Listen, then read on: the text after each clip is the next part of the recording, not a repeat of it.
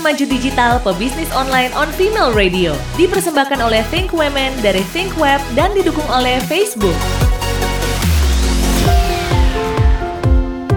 Halo Femalicious, masih bersama Irina Dewi di podcast series Perempuan Maju Digital Pebisnis Online. Dan episode kali ini kita akan ngobrol dengan Mbak Oci Rosesari dari Dapur Sunda. Pasti udah tahu dong Dapur Sunda ya kan? Restoran makanan tradisional Jawa Barat yang ternyata sudah berdiri sejak tahun 85 dan mendapat banyak sekali penghargaan. Salah satunya The Best Indonesian Restaurant 2009. Nah, kita langsung ngobrol nih sama Mbak Oci. Hai, Mbak Oci. Halo, selamat hai, sore. Hai, Hai, hai. Selamat Hai, sore. Sore. Kita langsung ngobrol aja ya, Mbak Oci ya. Boleh, boleh, boleh. Apa sih milih nama Dapur Sunda Padahal kan uh, kalau ngomong soal bahasa Sunda gitu, banyak kan kata-kata kosakata bahasa Sunda yang bisa dipilih. Tapi kenapa pilihnya dapur Sunda nih buat nama oh, gitu. restoran? Gitu. Iya. Uh, awalnya waktu uh, orang tua saya ingin usaha restoran itu lagi uh, happeningnya lagi boomingnya dengan kata lembur kuring, lembur dan kuring. Akhirnya okay. bapak saya itu melihat uh, kenapa tidak dapur, bahkan makanan itu berasal dari dapur dan mindsetnya orang itu melihat dapur itu pasti kotor. Nah, di sini akhirnya bapak saya melihat uh, kita pakai nama dapur aja biar lain daripada yang lain dan uh, memberi uh, dapur itu ke orang-orang mindsetnya itu kalau dapur itu memang bersih dan makanan memang dari dapur. Jadi dapur Sunda itu makanan Sunda dari dapurnya kita gitu loh, dari dapur oh. gitu kan. Gitu. Tidak semua yang namanya dapur itu kan uh, apa? Uh, kotor kan gitu kan. Dapur itu kan masih bersih gitu. Jadi uh, bapak saya melihatnya uh, dari dapur Sunda. Memang bapak saya pertama kali menginikan dapur Sunda pakai nama dapur juga sempat diketawakan dengan namanya teman-temannya. Kenapa mesti pakai dapur? Akhirnya bapak saya bilang ya kan semua makanan dari dapur dapur itu juga kan bersih jadi jadi bapak saya mau, mau, mau menggantikan mindsetnya orang kalau makanan dari dapur itu itu pasti bersih gitu loh mbak gitu.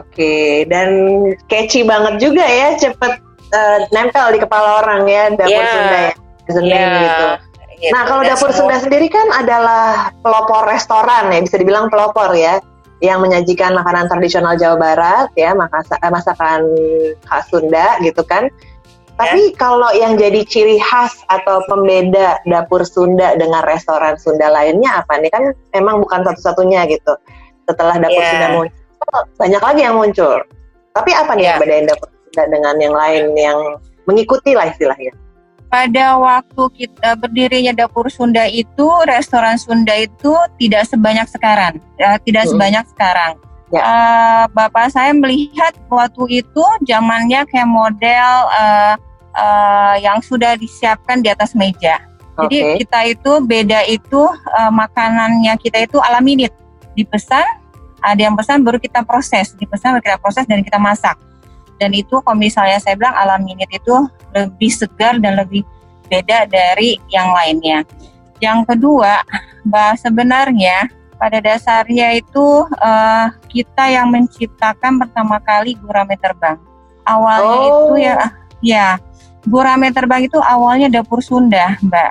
Dapur Sunda oh. yang punya idenya. Dan itu kan biasanya kalau misalnya gurame itu kan gorengnya kan flat aja biasa hmm Akhirnya bapak saya berhubung bapak saya itu dua dulu pernah kerja di hotel, mm-hmm. ya di, di bidang semuanya hotel. Jadi bapak saya uji coba dengan yang namanya menggoreng gurame itu dengan fryer. Mm. Kalau misalnya di tempat lain kan fryer itu untuk menggoreng kentang goreng kan. Nah kalau mm-hmm. kita uh, fryer itu menggoreng namanya ikan goreng apa gurame goreng agar mm. lebih melengkung dan crispy. Oh. Gitu. Selama ini kan sering Sama banget dengar gurame terbang ya. Aku yeah. baru tahu yang menciptakan pertama kali istilah itu tuh dapur Sunda. Iya. Dan memang uh, sangat disayangkan karena bapak saya mikir kan kita juga udah pernah bilang, wah udah deh kita masukin aja ke uh, uh, chip apa cipta kita apa paten. Tapi uh -uh. bapak saya mikir ya sudahlah, sudah banyak orang yang pakai anggap aja lah kita ngasih uh, sesuatu oh. buat orang banyak kalau misalnya gitu seperti ini produknya gitu loh Mbak. Okay, ya, ya, gitu. Okay, Jadi okay, pertama okay, kali memang uh, dapur Sunda yang punya ide yang istilahnya yang uh, ide yang yang punya ininya menciptakan namanya gurame terbang. Oh oke. Okay. Tapi kan kita seperti kita tahu jadinya gurame terbang ada juga di restoran lain gitu kan? Iya, iya, iya. Tapi ada nggak nih menu andalan kan? khas dapur Sunda yang tidak dimiliki restoran Sunda lainnya? Oh, ada. Kita punya yang namanya uh, pencok kacang. Ya? Pencok uh, ulu ketek lencak. Oh, pencok kacang okay, sama okay, ulu ketek okay. lencak. Karena uh, belum tentu uh, itu kan benar-benar tradisional Jakarta sekali ya, gitu kan. Eh yeah. Jakarta maksudnya uh, uh, Jawa Barat gitu kan. Jawa Barat. Belum, uh, belum tentu rasanya itu sama dengan semua dan alhamdulillah yang namanya resep-resep uh, dapur Sunda itu saya dap, uh, kita itu dapat dari uh, ibunya dari bapak sendiri, jadi nenek saya. Oh. Jadi kalau misalnya kita mau launching sesuatu makanan, kita nanya dulu sama nih sama nenek kita di ini oh. kayak begini modelnya uh, bisa nggak ini? Jadi kasih tahu gitu loh mbak. Oh jadi intinya uh, resepnya resep keluarga ya? Ya sama satu kalau di gurame itu di kita ada gurame garang asam. Belum tentu uh -uh. semua restoran Sunda itu ada gurame garang asam. Kita itu enak uh. makanan garang asam. Oh iya kalau saya tahu tuh saya selalu pesen kalau ya. ke dapur Sunda. Garang asam gitu kan garang asam ya itu kan ya uh, andalan kita kan sebenarnya ada sop gurame juga. Terus kita ada uh, pepes gura pepes ikan mas kita juga itu andalan gitu kan. Karena uh, sampai ke duri-durinya itu uh, bisa dimakan lunak sekali gitu yeah. mbak. Dan wow. satu lagi uh, ya kita ada yang namanya uh, soto Bandung. Nah soto Bandung oh. ini juga semua bisa bikin soto Bandung tapi belum tentu menurut saya ya rasanya huh? rasa itu kan uh, tergantung kalau menurut saya yang paling the best sih yang di dapur Sunda soto Bandungnya yang masih original gitu loh. Oh oke okay, oke okay. jadi kalau mau otentik rasa soto Bandung mesti ke yeah. dapur Sunda. Iya. Uh, karena otentik ya. Oke. Okay. Iya. Gitu. Ini ngomong kalau kebanyakan ngomong soal menu, saya jadi lapar nih, Mbak Oci. Siap, Oke, okay, karena kita bergerak ke logo ya. Uh, ini kalau ngomong soal logonya dapur Sunda tuh kan orang tuh kayak gampang banget inget melihat gitu wah ini logonya dapur Sunda nih gitu. Yeah. Pertimbangan tertentu waktu bikin logo apa nih Mbak Oci? Bapak saya itu pada dasarnya suka yang namanya dengan uh, budaya Jawa Barat. Apalagi beliau ini kalau misalnya tidur itu harus dengerin namanya wayang si uh, cepot macam-macam dan hmm. itu ngambilnya dari ya logonya Depus itu Sikabayan. Oh oke. Okay. Ah Sikabayan, Sikabayan itu uh, image-nya kan dia uh, membuat orang itu uh, jadi senang, membuat hmm. suasana juga jadi meriah hmm. dan uh, original sekali. Orang tahu kalau Sikabayan itu dari Jawa Barat gitu loh Mbak. Gitu. Hmm. Seperti halnya kan kita lihat yang namanya fast food yang lain, oh gambar ini ini dari sini gitu. Nah kita kan berarti hmm. si kabayannya sendiri, jadi orang tahu emang si kabayan itu memang identik uh, salah satu dari Jawa Barat gitu. Oh gitu ya. Uh, jadi memang udah uh, ayah sendiri udah tahu ya bahwa yeah. ini nih signaturenya dapur Sunda makanya dijadiin logo gitu ya. Iya gitu. Okay. Dan itu memang udah kita patenin gitu. Udah dipatenin, alhamdulillah ya. Alhamdulillah. Gramnya terbang nggak dipatenin, logo harus dipatenin nih bahaya yeah. nih ya. Oke, okay. uh, eh, Mbak Oci, ini kan yeah. tantangan mengembang, mengembangkan brand bisnis kuliner itu nggak kecil ya, it's a big challenge yeah. gitu. Apalagi yeah. kan sekarang ini kan uh, Dapur Sunda udah punya empat cabang ya di Cipete, yeah. Yo, uh, Smesco sama Mall of Indonesia. Iya. Tantangannya yeah. apa yang paling sulit nih untuk mengembangkan brand bisnis kuliner? Uh, tantangannya itu berhubung kita uh, sudah pemain lama, uh. pasti kan kita sudah banyak yang namanya followernya. Uh. Nah, kita harus bertahan uh, uh, bertahan daripada follower yang lain karena kita tahu semakin ke sini semakin orang itu banyak yang namanya membuka suatu restoran. Apalagi kan restoran Sunda orang juga kan uh, dengan rasa orang udah pada bisa restoran Sunda ya. Tantangannya buat saya itu melalui yang namanya kita harus inovasi. Inovasi dalam hal yang namanya desain interiornya, dari tantangan dalam hal makanannya. Terus begitu juga kita harus membuat yang namanya uh, medsos juga kita harus bagus ya masuk ke medsos juga kita harus tampilan foto juga semenarik mungkin karena kan orang pertama ngelihatnya itu kan dari gambar foto ya gitu kan. Dan tantangannya itu yang menurut saya ya harus lebih berkembang lagi ya gitu. Tantangannya untuk yang uh, supaya dap, uh, dapur Sunda harus masih bisa berkibar ya di samping itu ya yang tadi saya bilang inovasi daripada menu kita harus mengupgrade lagi apalagi yang kita punya apalagi kita yang misalnya yang biasa kita hanya jual uh, gurame goreng kita harus inovasi oh ya kita harus punya menu baru yaitu saya kemar uh, ada punya menu baru uh, ikan dori sambal cengek oh. ikan dori sambal endes gitu loh nah itu tantangannya tantangannya kita harus menginovasi menu-menu minuman-minuman semuanya itu kita harus selalu berkembang gitu Oh, jadi nggak bisa ya. pakai menu itu itu aja juga ya?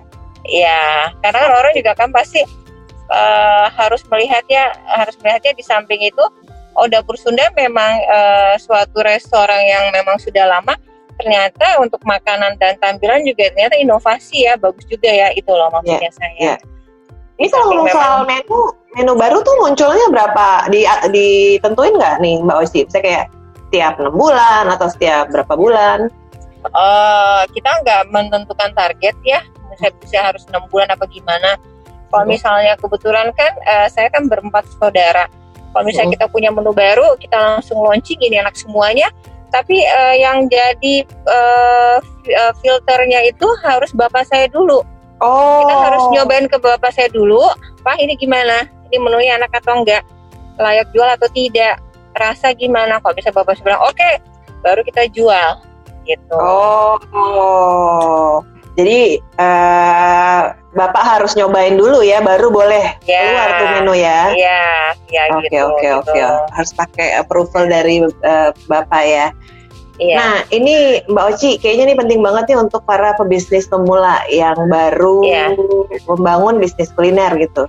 Apa sih yeah. yang iya. perlu disiapkan dari segi teknis ataupun mental? Gimana bisa membesarkan brand bisnis kuliner seperti yang dilakukan Mbak Oci dan keluarga? Oh gitu. Uh, kalau teknik kita sudah tahu. Uh, hmm. Teknik itu secara umum ya. Kalau ke restoran itu pertamanya kan uh, kita harus tentukan lokasinya, harus tentukan yang namanya uh, lokasi, terus begitu seberapa yang namanya orang sering lewat sana, bagaimana yang ya. namanya tempat ramai itu gitu. Seperti itu ya secara umum ya. Hmm. Yang paling penting sebenarnya mental. Hmm. Gini, uh, orang uh, pengusaha itu apalagi yang punya restoran mentalnya harus kuat kak. Hmm. pada saat yang namanya restoran itu yang namanya sedang uh, tidak sesuai apa yang kita harapkan pasti kita akan down. Hmm. istilah mentalnya seperti hal uh, aduh saya udah nyiapin ini saya nyiapin itu kok hmm. belum ada tamu ya? Kok salesnya tidak sesuai ya? Itu loh maksudnya saya. Dan itu yang namanya ambience-nya itu pasti itu bakalan dicoba. Bertahan gak ya gitu maksudnya saya. Hmm. Dan selama ini yang namanya kita uh, mengelola yang namanya dapur sudah dari tahun 80-an itu uh, kita itu memang uh, mama, papa dan kakak saya kita berempat itu kita uh, bergotong royong apa sih gitu kan. Ada saat yang namanya mental itu kita tuh dicoba gitu kan. Tidak hmm. sesuai kita udah buka cabang ternyata tidak sesuai kayak gimana, kita harus seperti apa subsidi dalam saya gimana? Mentalnya itu kita harus kuat mbak. Hmm, gitu. hmm, hmm. jangan cuman buka setelah sebulan dua bulan ah nggak sesuai ah nggak ini. Ternyata tutup itu yang yang kalau saya sih sayangkan ya gitu kan. Hmm, hmm apalagi yang namanya buka restoran itu tidak segampang buka toko apa gitu. Apalagi ini kan bisnis makanan ya gitu kan. Dan brand baru nah kalau brand baru itu belum tentu uh, sekarang gini mbak. Orang itu mau makan apalagi pada saat kayak begini saya makan mendingan saya uh, makan yang sudah tahu rasa restorannya itu seperti apa uh-huh. gitu kan nah itu kalau misalnya udah brand baru itu kan mereka pasti harus yang namanya berkorban dari hal dalam hal yang namanya diskon besar-besaran, masuk sosmed hmm. seperti apa. Dari dari sosmed itu bisa dari yang namanya ke uh, sosial media atau nggak mungkin dari uh, person to person itu juga bisa kan? Misalnya hmm. seperti itu gitu menurut saya dan ya yang paling penting itu mental. Kalau misalnya masalah uh, dana apa kayak gimana hmm. itu uh, kita bisa ini ya bisa apa istilahnya uh, mengcover lah ya tapi yang hmm. paling penting yaitu mental mbak mental ya jadi uh, uh, apalagi di masa-masa seperti ini ya, ya uh, Mbak ya. Oci ya lagi berat-beratnya ya. nih buat pebisnis berat, kuliner berat. kan dengan apa yang ya. kita alami sekarang ini pandemi ya. Iya, gitu. Jadi semoga nih untuk family chef lagi dengerin ya dan lagi memulai bisnis kuliner yang penting itu bukan cuma teknis aja tapi mentalnya ya mesti kuat kalau mau menjalani bisnis kuliner yang long lasting gitu ya Mbak Oci ya? Iya. Iya. Oke oke. Seperti itu. Ya, gitu. Mbak Oci, nanti kita ya. lanjutin lagi obrolannya. Pastinya kita tutup ya. dulu. Uh, thank yeah. you so much untuk Femalicious yang udah mendengarkan obrolan saya dengan Mbak Oci dari Dapur Sunda. Nah, di episode, episode selanjutnya kita akan lebih dalam lagi nanyanya, oke? Okay? See you on the next podcast. Bye bye. Thank you Mbak Uci. Ya bye bye. Bye. Buat perempuan maju, kita semua maju. Perempuan Maju Digital, pebisnis online on Female Radio. Dipersembahkan oleh Think Women dari Think Web dan didukung oleh Facebook.